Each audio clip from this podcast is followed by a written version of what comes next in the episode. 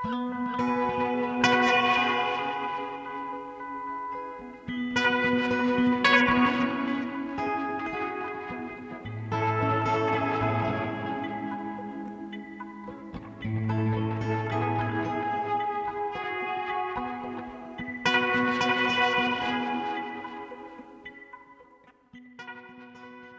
og sæl, kæru hlustendur, Halla Harðardóttir og Guðni Tómasson heils ykkur úr hljóðstofu í efstaleiti. Í vísjadagsins samband fjáls og lúrasveitar, dáin heimsveldi og konur í djassi.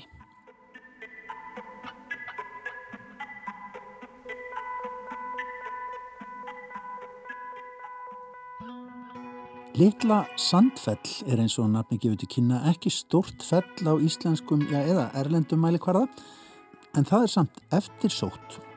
Við hugum að jarðefna vinslu og lúðrasveitar tónlist hér eftir stuttastund, já, óvæntum tengslum þarna á milli sem hafa komið fram í fjölmiðla umfjöllun, bara núna alveg á síðustu dögum. Jazzpíjónaleikarin Sunna Gunnlaugstóttir segir jazzheimin vera mjög karlægan. Það halli á konur bæði í senunni hér heima og erlendis. Konur hafi gegnum tíðina ekki þótt eiga erindi og skýrist það að hluta til vegna rótgróina hefða sem erfitt sé að breyta. Til að taka þátt í að breyta þessari menningu stendur sunna fyrir alþjóðleiri jazzáttíð í hörpu um helgina sem hún kallar Freyju Fest. Sunna verður gestur okkar undir lok þáttar í dag. Og Greta Sigriður Einarstóttir, hún rínir í nýjustu skáldsögur Steinas Braga, Dáin heimsveldi. En við byrjum þáttinn fyrir Östanfjall í landslægi sem ætti kannski einhvern veginn að vera dramatískara en það er.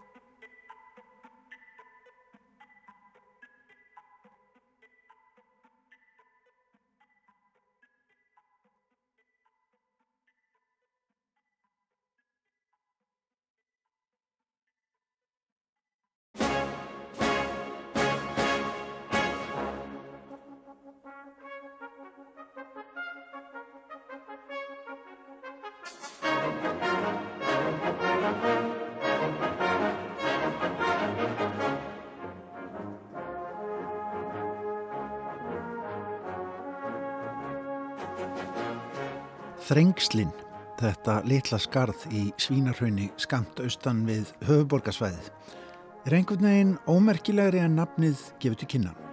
Maður heyrir nafnið eitt og sér, Þrengslinn, og myndir kvikna í höfðinu innblásnar kannski af gömlum kúrikamyndum. Maður sér fyrir sér kúrika með hatta fela sig bak við steina í þröngu gili og skjóta séðan upp til að hleypa af bissum sínum á óvinnina neðar í hliðinni.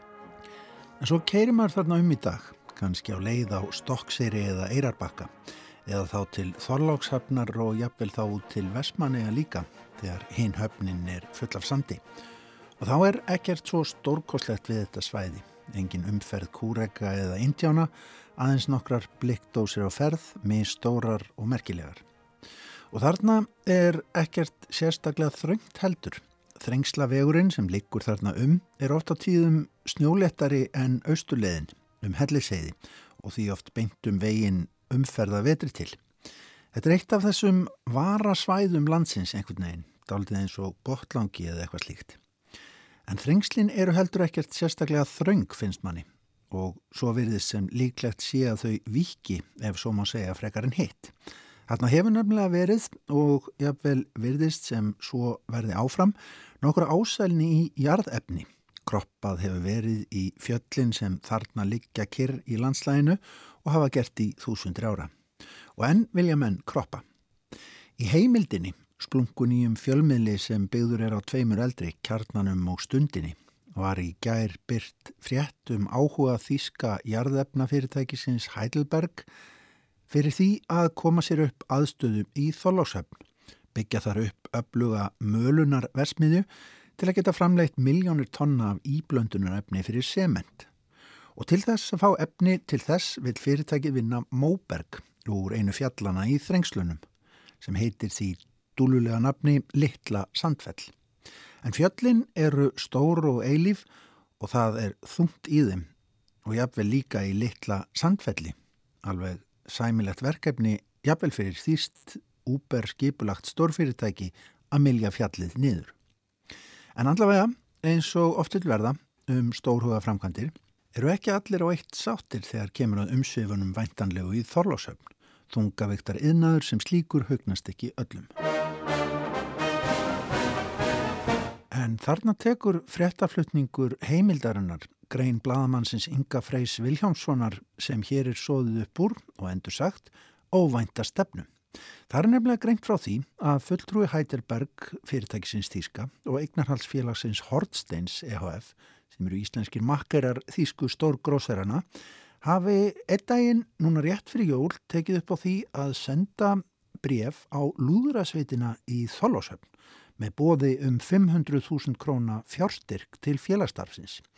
Kom þar fram að Elliði Vignisson, bæjastjóri í Ölfusi, hefði komið tengslunum á og þá líklega þótt þjóðuráð að nokkrar krónur væru settar í áframhaldandi blástur sveitarinnar. Í samtali alliða við heimildina kemur fram að hann hafi sett saman lista með nokkrum félagasamtökum og líknarfélagum sem að gætu verið mögulegir styrkþegar. Þar á meðal var lúðrasveit þólásafnar. Gott og vel. Hinn vel vitra vef alfræði orðabók Wikipedia segir okkur að Lúðrasveit Þólásöfnar hafi verið stopnud árið 1984 af nokkrum hljóðfaraleikurum í Þólásöfn fyrir tilstilli Lions Clubsins í bænum. Robert Darling var fyrsti stjórnandi sveitarinnar, hann er tónlistakennari og hefur stjórnaðinni nær ósliti síðan. Virkir félagar í sveitinni eru eitthvað um 40 manns á öllum aldri. Fjölbreytt verkefni enkenna starfsemina en eins og ávið um flestar slíkar sveitir hefur hún skildum að gegna við hátíðarhöld í bænum og er köllu til á 17. júni, sjómanadeginum og þegar kveikja á, á jólaljósum svo eitthvað sé nefnt. Hún hefur líka verið ábyrrandi í verkefnum með poppurum á borfið hljómsveitina 200.000 naglbýta, söngsveitina Fjallabræður og tónlistamannin Jónas Sigursson.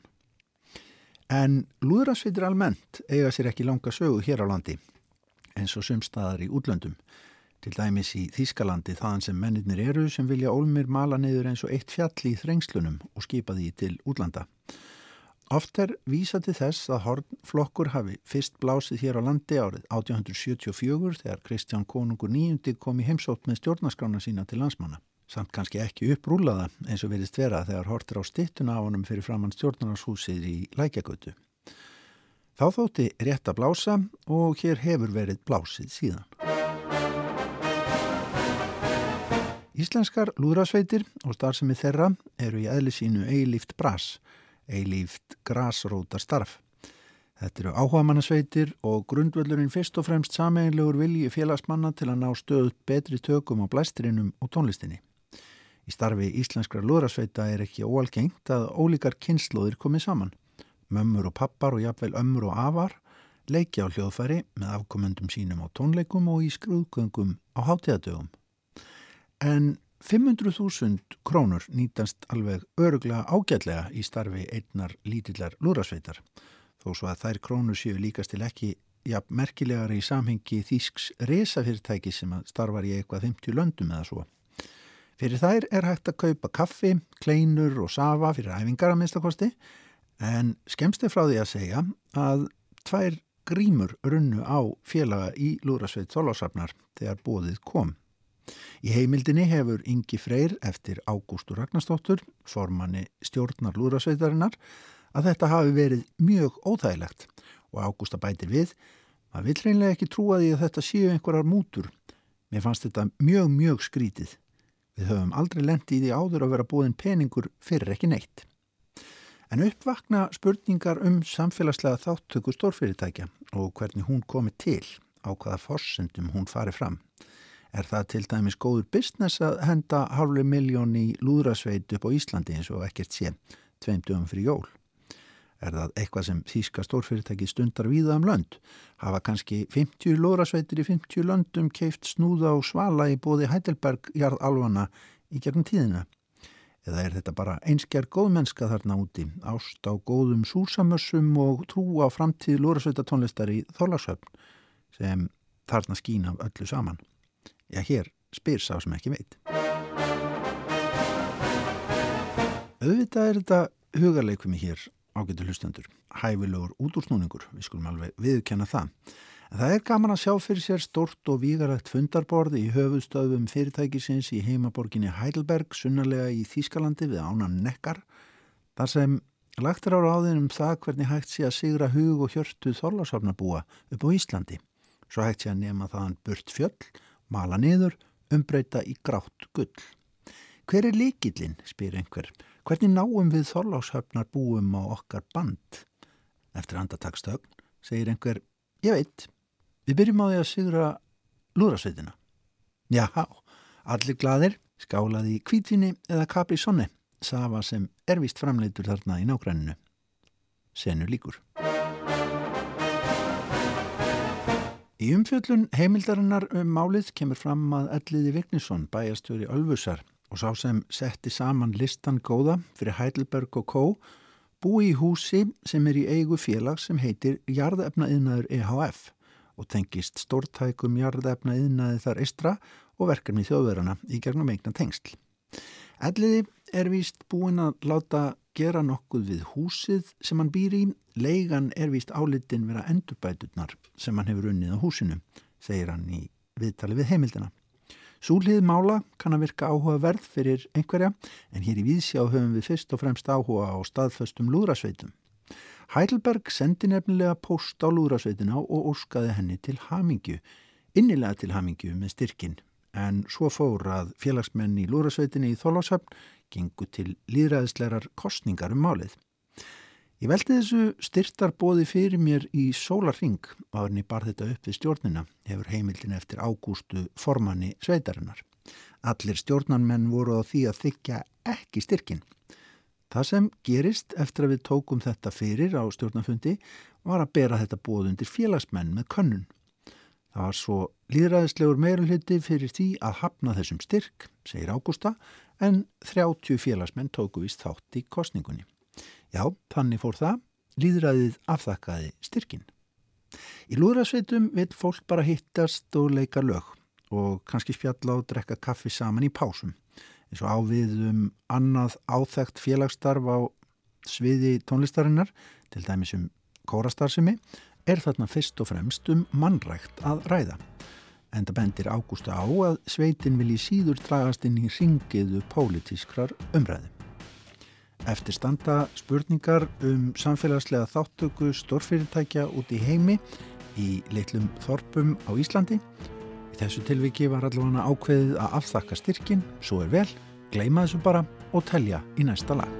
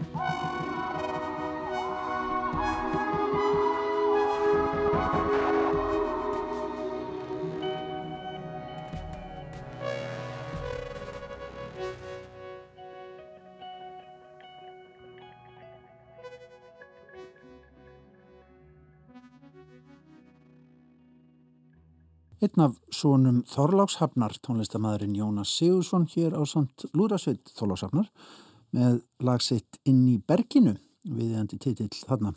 Lægir af blötunni þar sem heiminn ber við haf sem að Jónas gaf út og gerði með sveitinni staðföstu árið 2012. En þá er komið að ríni hér í Vísjá því að við erum ennað melda jólabókaflóðið.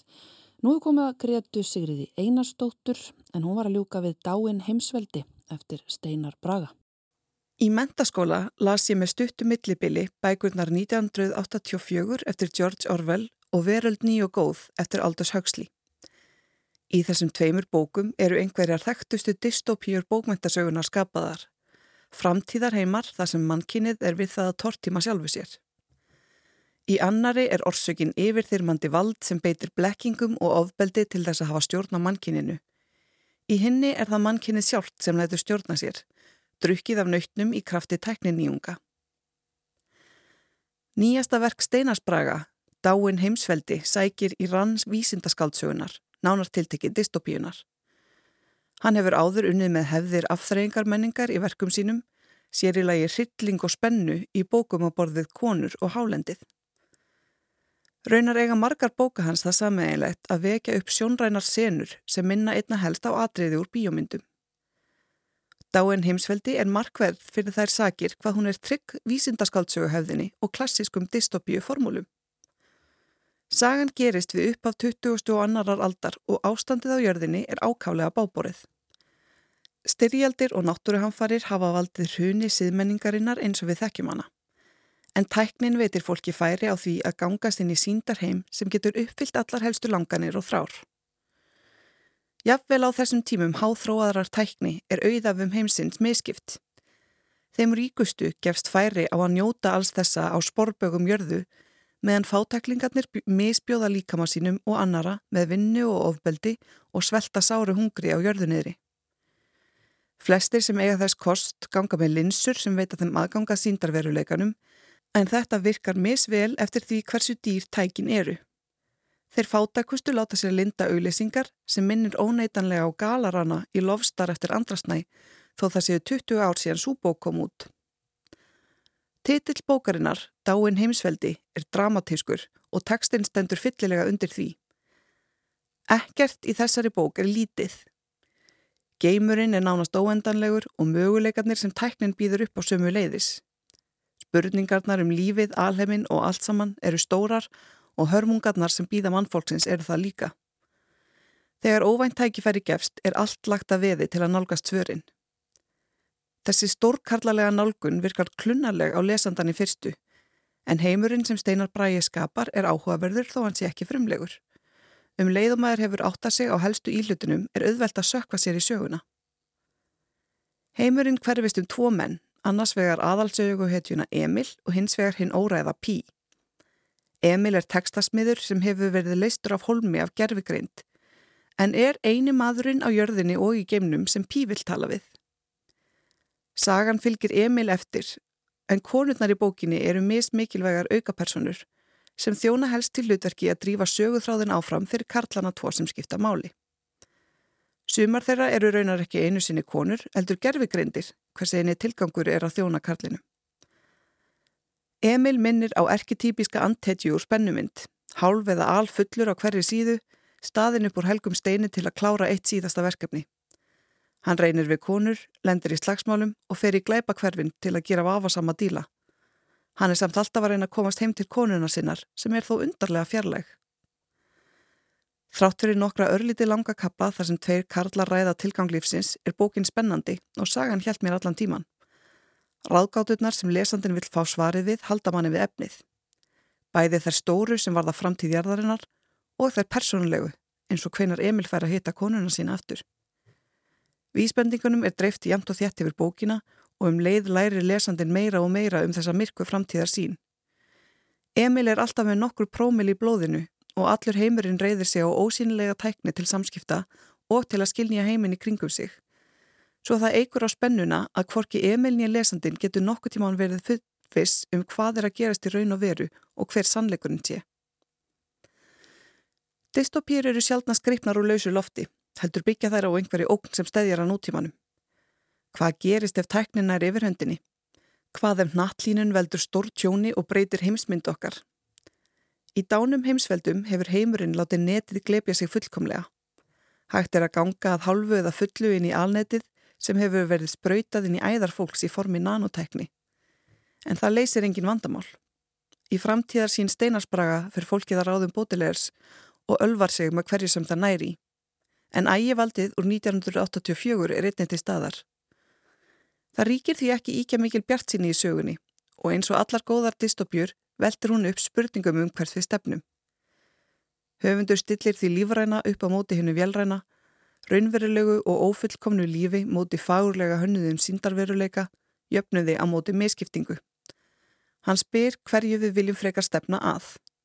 Þetta eru síkildar spurningar og maður heyrir endur óminn frá Orvel, Huxley og andra snæ. Dáin heimsveldi er spennandi vísindaskaldsaga með öllu sem tilheyrir.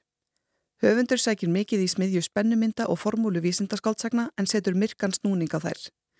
Þetta er klassísk dystopía, spennandi og heldur manni við efnið.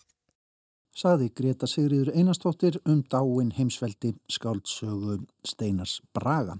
En þá ætlum við að huga að jazztónlist ekki satt allar. Jú, mikið rétt. Jazzpjánleikarin Sunna Gunnlaustóttir. Hún segir jazzheiminn vera mjög karlægan. Það halli á konur bæði í senunni hér heima og út í heimi. Konur hafi gegnum tíðina ekki þótt eiga erindi og skýrst það að hluta til vegna rótgróna hefða sem að erfitt sé að breyta. En hún er reyna að breyta þessu og stendur fyrir alþjóðleiri jazzáttíð í hörpu næstkomandi lögadag sem hún kallar Freyju Fest. Háttíðinni verður fjölbreytt áskrá og þar koma saman ólíkir flytindur frá Íslandi, Bandaríkjónum, Belgiu, Sviss, Noregi, Svíþjóð og Þýskalandi. En árum við bjóðum sunnu velkonna þá skulum við setja eitt lag með henni á fónin. Þetta er lagið Movimiento af eh, disknum Ancestry frá 2018.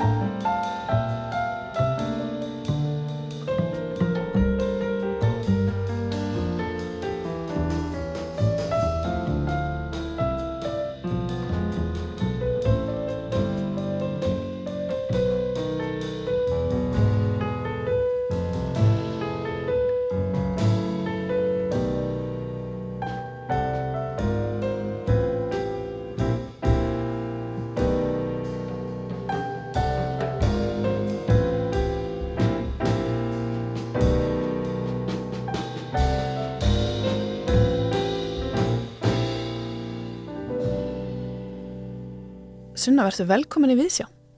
Takk hella. Hvað er Freyjufest? Freyjufest er jazzháttíð sem hefur það markmiði að stuðlað kynja jafnvægi á jazzsenunni, íslensku bara sem alþjóðlegu jazzsenunni, bara almennt og uh, reyna svona að breyta þessu, kannski þessu feðraveldis ímynd sem að jazzan hefur lengi haft í að uh, fá til leiks alls konar fólk og er náttúrulega alls konar tónlist. Föðraveldis ímynd sem að jazz senan hefur haft. Já. Hvað veldur þessar ímynd? Af því að við vitum að það er fullt af konum að spila jazz. Já, jú, jú, hvað veldur ímyndin er náttúrulega, kannski sagan er náttúrulega svolítið skrifuð út frá karlmönnunum kannski hérna áður fyrr svona á þú veist þegar, þegar jazzin var upp á sitt svona, hvað, segja, svona sem vinsalasta tónlistinn, það er mjög vinsel tónlist, kannski dægur tónlist síns tíma uh, þá erum við að tala um samfélag þar sem að konur áttu kannski bara meira að vera heima og þetta var mjög erfitt líf þú veist, þá var að tala um aðlægi bandaríkjónum mm. að vera einhverjum endilisum þvælingi og, og hérna þannig ég held þetta er svona samfélagslegar ástæður fyrir því að að konur voru lítið ábyrrandi mm -hmm. þó að þær hafa alveg verið á senunni. Og svo voru sumar sko hann að eins og í bandaríkjunum með maður svona virkilega kafar ón í söguna að þær voru þá margar hverjar kannski baráttu konur fyrir einhverju jafnbretti og það var bara illa séð Innan senunar? Nei bara held ég svona bara eins og Billie Holiday þegar hún hljóriðaði lægið Strange Fruit sem að mhm. fjallar um náttúrulega hengingar blökk fólks mm -hmm. og fór hún á svarta lista hjá allríkislauglunni mm. og þeir bara, þú veist, elduna mm -hmm. alla hennar æfi sko -hmm. og mhm. reyndu að svona, þú veist, þetta var kallað andbandarísk hegðun Southern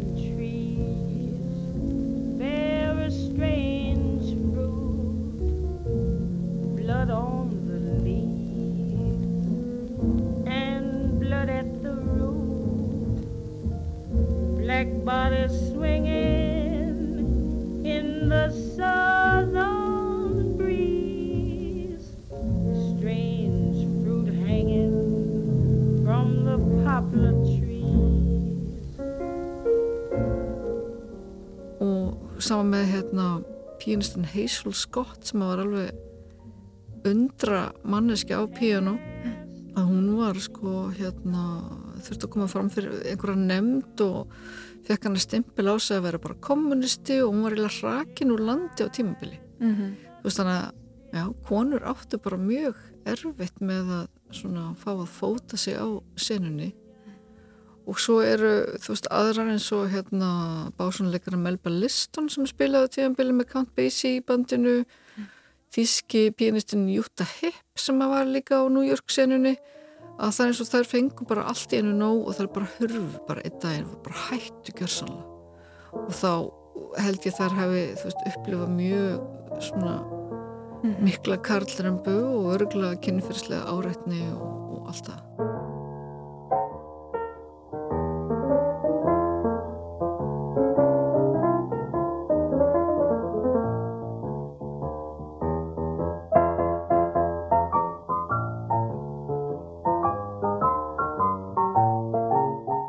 samfélagi hjálpaði ekki beint að koma þessum konum kannski á framfari og það var auðvilt fyrir erfiðara kannski eins og þetta lýsa fyrir konur að vera hluta af senunni. Mm -hmm. uh, en hérna erum við að tala um eitthvað sem gerast á síðustöld og nú erum við þetta komnar árið 2023 Akkurat. En það verist ennþá vera daldi erfitt að fóta sig inn í þessu samfélagi eða hvað?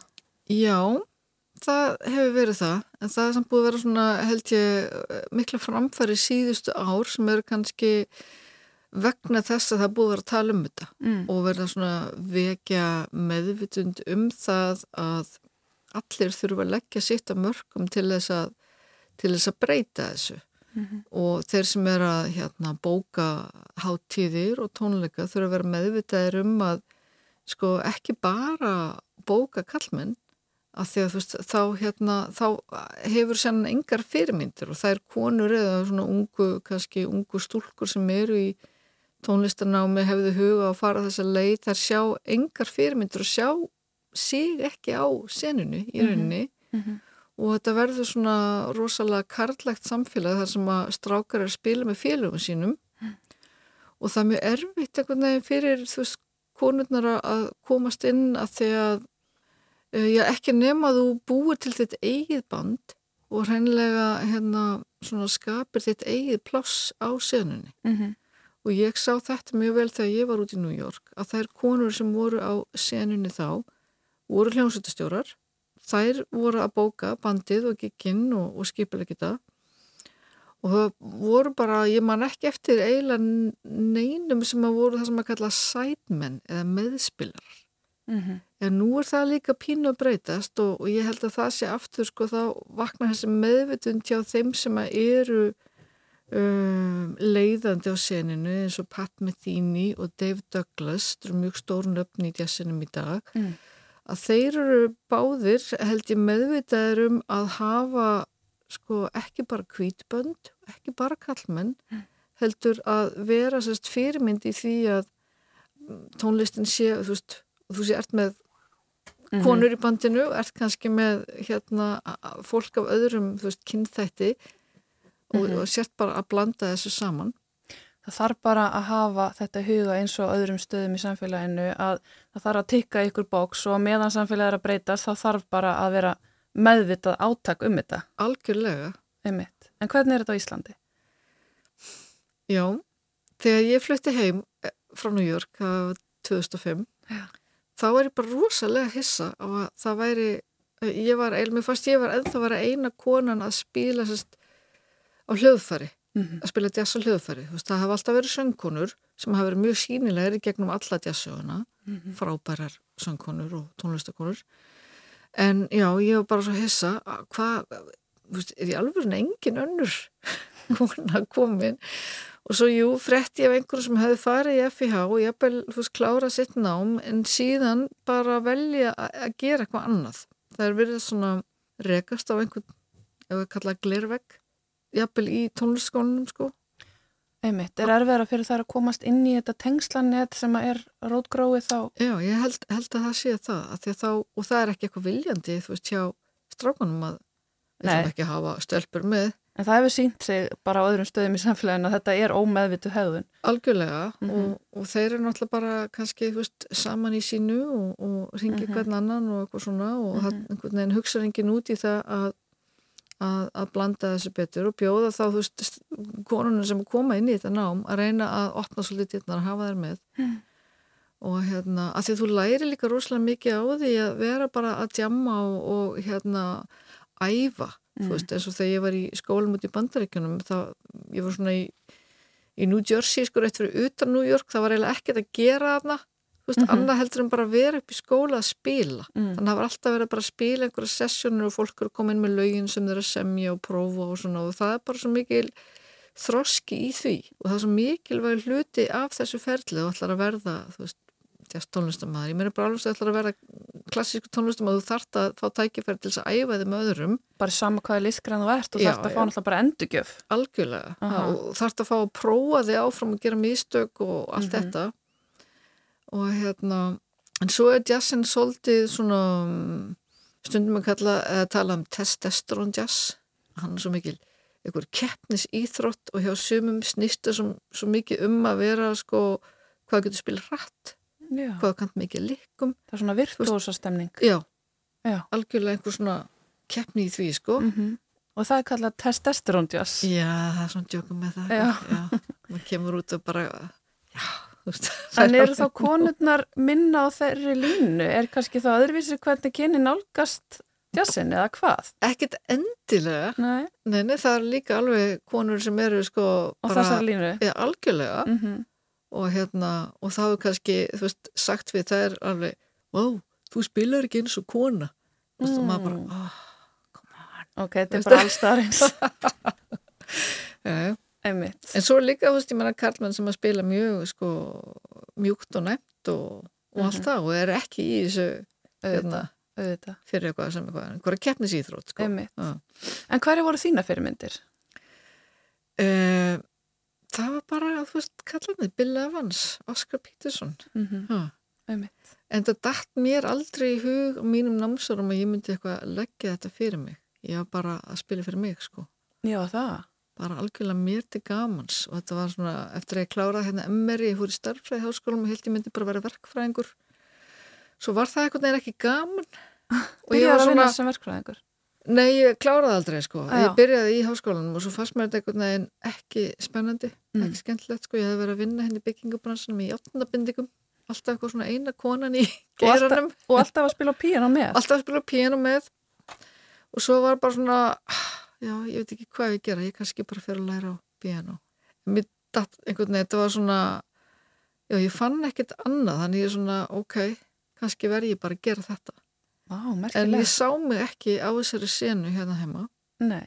og svo er þú veist, þegar ég komin út þá náttúrulega sé ég miklu meira mitt af, af konum að spila bara gigg út um allt.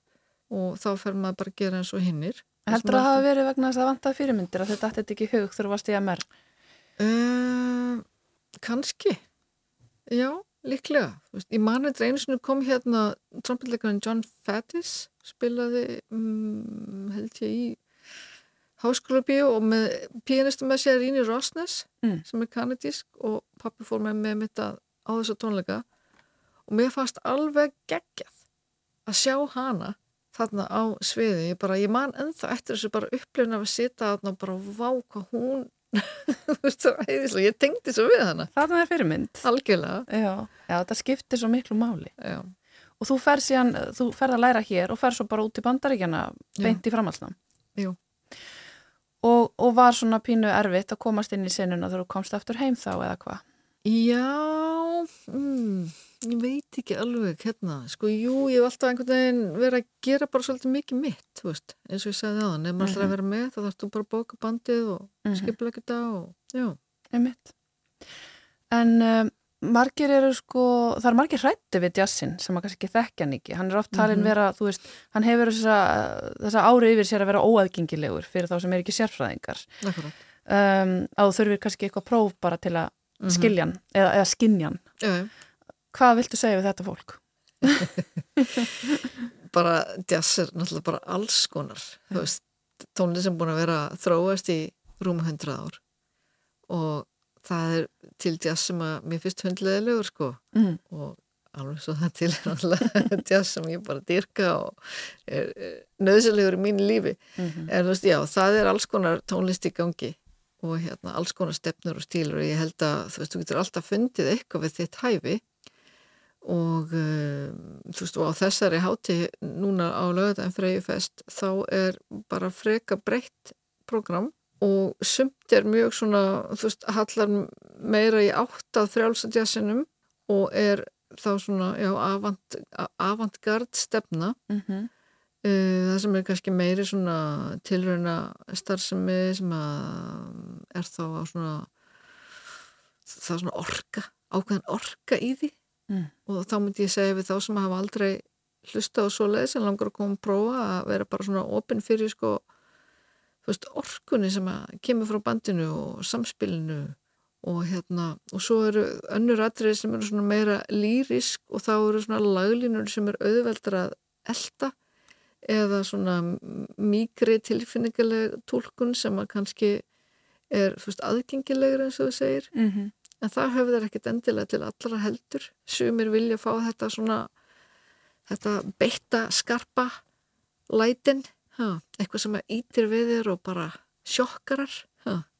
Einmitt, þú talar um uh, bandarísku avantgard senuna, já, þessa, þessa framústefnu sem þú ert að lýsa mm, og svo hins vegar evrópsku senuna. mm Er hún þá hefbundnari eða... Nei, ég held að og ég upplifi hérna jazzin í dag, þú veist að evróska senan er svona mm, alveg, þú veist, sækir náttúrulega áhrif frá þeirri bandarísku og, og í rætur tónlistarinnar en hefur samt kannski svona þróa svolítið í, í sína átt með, bara eins og stundum að tala um norrænan jazz Mm -hmm. Veist, og þá er hann undir svona melankólískum og lýriskum Mhm. áhrifum sem kemur úr okkar uh, kannski þjóðlaga og sönglaga hefð og sama í Þýskalandi, þú veist, auðvitað er þetta ekkert ekkert þetta alhæfa en þú veist, þeir eru mjög nákvæmur þjóðverðarnir Mm. og svona Mm. þetta er svolítið, oft svolítið vel pælt og hérna, já, svona nákvæmt og, og, og svo ferðu þú veist til Ítalíu og þar finnst mér oft vera svona, eh, jafnvel meiri tenging við norrannan jazz, að það eru svo mikið lýrik og svona einhver mýkt og tilfinningaþrungi í þeirra jazz Mm -hmm. þú veist þannig að það er svona aðeins öðruvísi held ég bara frá þú veist, hver landi fyrir sig Einmitt. sem er líka svolítið skemmtilegt að fá uh, þú veist þessi áhrif bara uh, fólksin sem er að spila bara hva, eftir hva, í hvað umhverfu ólst þú upp og þá kemur það svolítið inn í tónlistina sem þú ert að spila Einmitt. þó að það heiti jazz og sé upphaflega bandarist listform Einmitt. En er það sem sagt bandarækjumenni sem eru alltaf að leiða þessa framúrstöfnu eða? Nei, Nei, alls ekki sko. Ég held, mm. sko, mér finnst í raunin í dag bandaríkin eru mjög lókuð af því að þeir vilja ekki sko, eða vilja ekki þeir hérna gera hérna öðrum listamannum mjög erfitt með að koma inn í landið, inn í bandaríkin. Það er svo dýrt að fá atvinnulefi mm. til að koma og spila tónleika mm. og hann er mjög illa hérna borga fyrir tónleika í bandaríkunum og uh, þannig að það er mikið að bandarískir jazzleikar eru að fara til Európa að spila Já. en ekki öfugt. Merkilegt. Uh, Þannig að ég held Því að Því opnari sena. Já, miklu opnari sena og, og tilröndi kjentari Já, í rauninni, þú veist, alls konar áhrif sem mm -hmm. þá finnur í Európu en ég held að það sé ekkert endilegt að segja að einn sena sé, veist, meira leiðind en hinn, þetta er svona margar senur bara í gangi og þú veist, New York hefur alltaf verið bara rosa pottur allra veist, menningarlista og tilröna og, og, mm -hmm. og mhm. alls veist, og, og svo eru líka staðir í veist, Evrópu það sem er mm -hmm. mikil gróska og mikil að gerast Berlín til dæmis Skemtilegt og þú ætlar að færa okkur eitthvað að vísa þessu á lögadaginn og freyjufesti um, og þar verða hérna svo kannski bara svona örstuðt í lókin hérna nefnum þessi stóru nöpp sem að verða á sviðinu segðu mér aðeins frá sko það er algjört eh, kynjajabæði, það eru nýju karlmenn og nýju konur sem eru meðal flytjanda á mm -hmm. lögadaginn og ég skipti hátíðin upp í svona tvö sett að það er fyrra sett sem byrjar hálf tvö. Og þar eru með uh, eh, tríuðu Broken Cycle sem er uh, samstafsverkefni uh, millir hérna þíska saxofóleikarans Angelika Nísir sem að var nú bara í síðustu viku að vinna hérna jazzverlun Þíska útvarpsins. Og hún hefur verið hérna samstarf með Hilmari Jensen gítarleikari og Scott Macklemore trómanleikara. Svo kemur uh, svona ung og frekar lítið þekkt konar frá Belgiu, kontrabassaleikari sem að ætlar að leika einleik á kontrabassa. Og ég sá hana á hátíð út í Belgiu í fyrra bara frábæri bassaleikari og æðislegt að heyra sko einleik á kontrabassa mm -hmm. það er bara alveg geggjað Trú því og svo er okkar unga og frábæra Ingi Björg Elsa Turki með sitt band með hérna rjóma íslenskra svona ungra jazzleikara sem mm -hmm. eru síðust í þessum þessum fyrra setti á hátíðinni mm. og jazzin þeirra er mjög skemmtilegur því að hann er svolítið, þú veist að spurning hvort að hann ætti líka að falla undir elektrónik eða einhvers konar indie indie tónlist, svona tilröndakent elektrónik uh, mikið með endurtæknar laglínur. Uh, já, Broken Cycle Trio eða meira svona í áttu frjálsa frjálsakantinn og, og Annelín er um, Annelín Bohemi, ég veit ekki hvort ég saði nafnið hennar á þann, bassaleikana frá Belgíu. Hún er svona meira að kannski mitt að spila pínu hefðbundna nálgun á jazz en er samt að íta því áfram. Mm. hún er alveg, spilar kannski alveg standarda en það er eitthvað fyrst mjög persónulegt og eitthvað með sínu lagi, ég, með sínu lagi akkurat, svo hann um kvöldi hefst dagskrána aftur klukkan 8 og þá er það Anna Greta eh, pianisti og söngkona sem er að gera mjög goða hlutirlendis, búin að skrifa til samning við eh, eitt mjög stórt fyrirtækt í Ískland sem heitir Akt og hefur verið að túra um allt.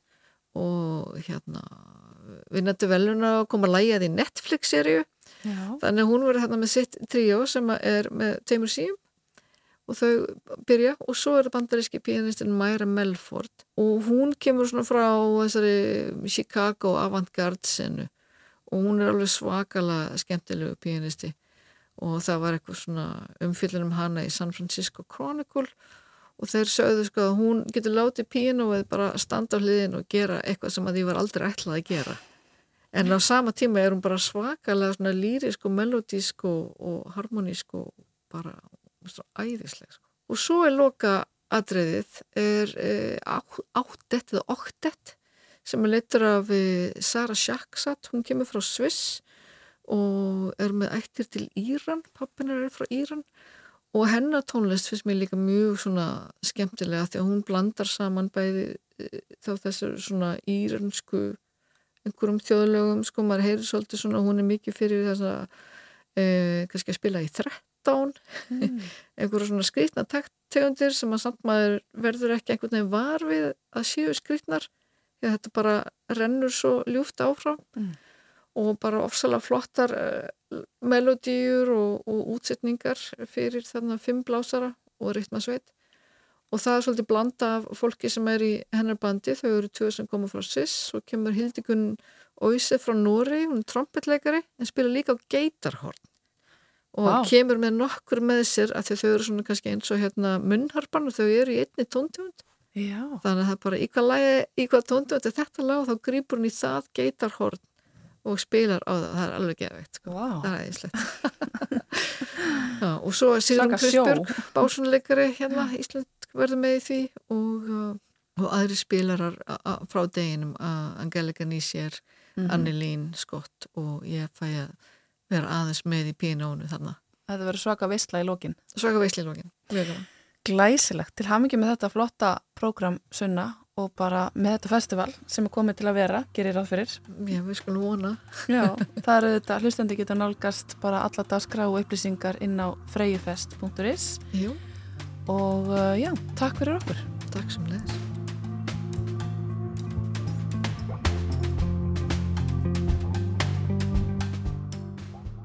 Og hér á þessu samtali við jazzpianistan Sunnu Gunnlaustóttur ljúkum við viðsjá dagsins Hér undir er byrjað að óma lag eftir Ingi Börgur Turki en hún er einn þeirra sem að koma fram á freyju festi um helgina í hörpu. Þetta er lagið Light and Shadow. Já, takk fyrir samfélgin í dag og verið sæl.